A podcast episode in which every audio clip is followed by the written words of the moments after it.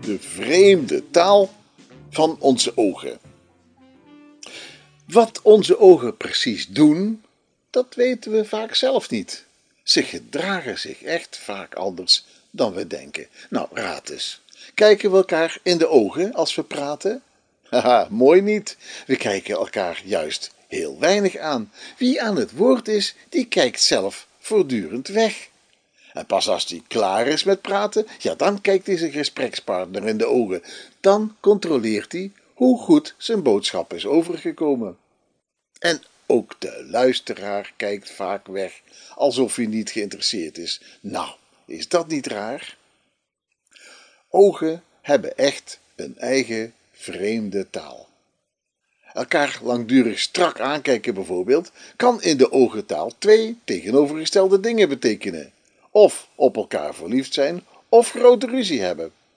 Strak aankijken is agressie, communicatief geweld. Tussen ogen kan zelfs een soort oorlogje ontstaan. Twee mensen kijken elkaar strak aan. Ze weten allebei dat wie het eerst wegkijkt verloren heeft. En dus, dus houden ze het absurd lang vol. Ja, in de klas hebben we dat allemaal wel eens meegemaakt. En, en wat een triomf, hè, als de leraar dan het eerst zijn blik afwendde. Maar eh, wie verliefd is, die gebruikt dezelfde strakke blikken juist als teken van liefde. Je doorbreekt dan het teken van agressie. Ook ogenvrije, in hun eigen vreemde taal. Strak aankijken is dus vaak agressief. Maar nou juist weer niet als je voor een groep spreekt.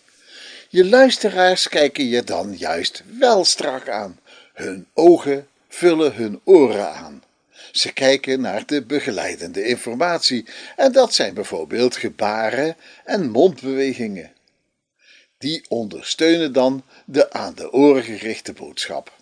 En sprekers ervaren die strakke blikken natuurlijk als even zoveel tekenen van agressie, alsof iedereen boos op je is. Nou, en pas als je gewend bent om voor groepen te spreken, leraren bijvoorbeeld, ja, dan leer je die schijnbaar agressieve blikken wel zien als aandachtige, goed bedoelde blikken. Nou, zie je wel, onze ogen spreken een vreemde taal. Ik dank u wel.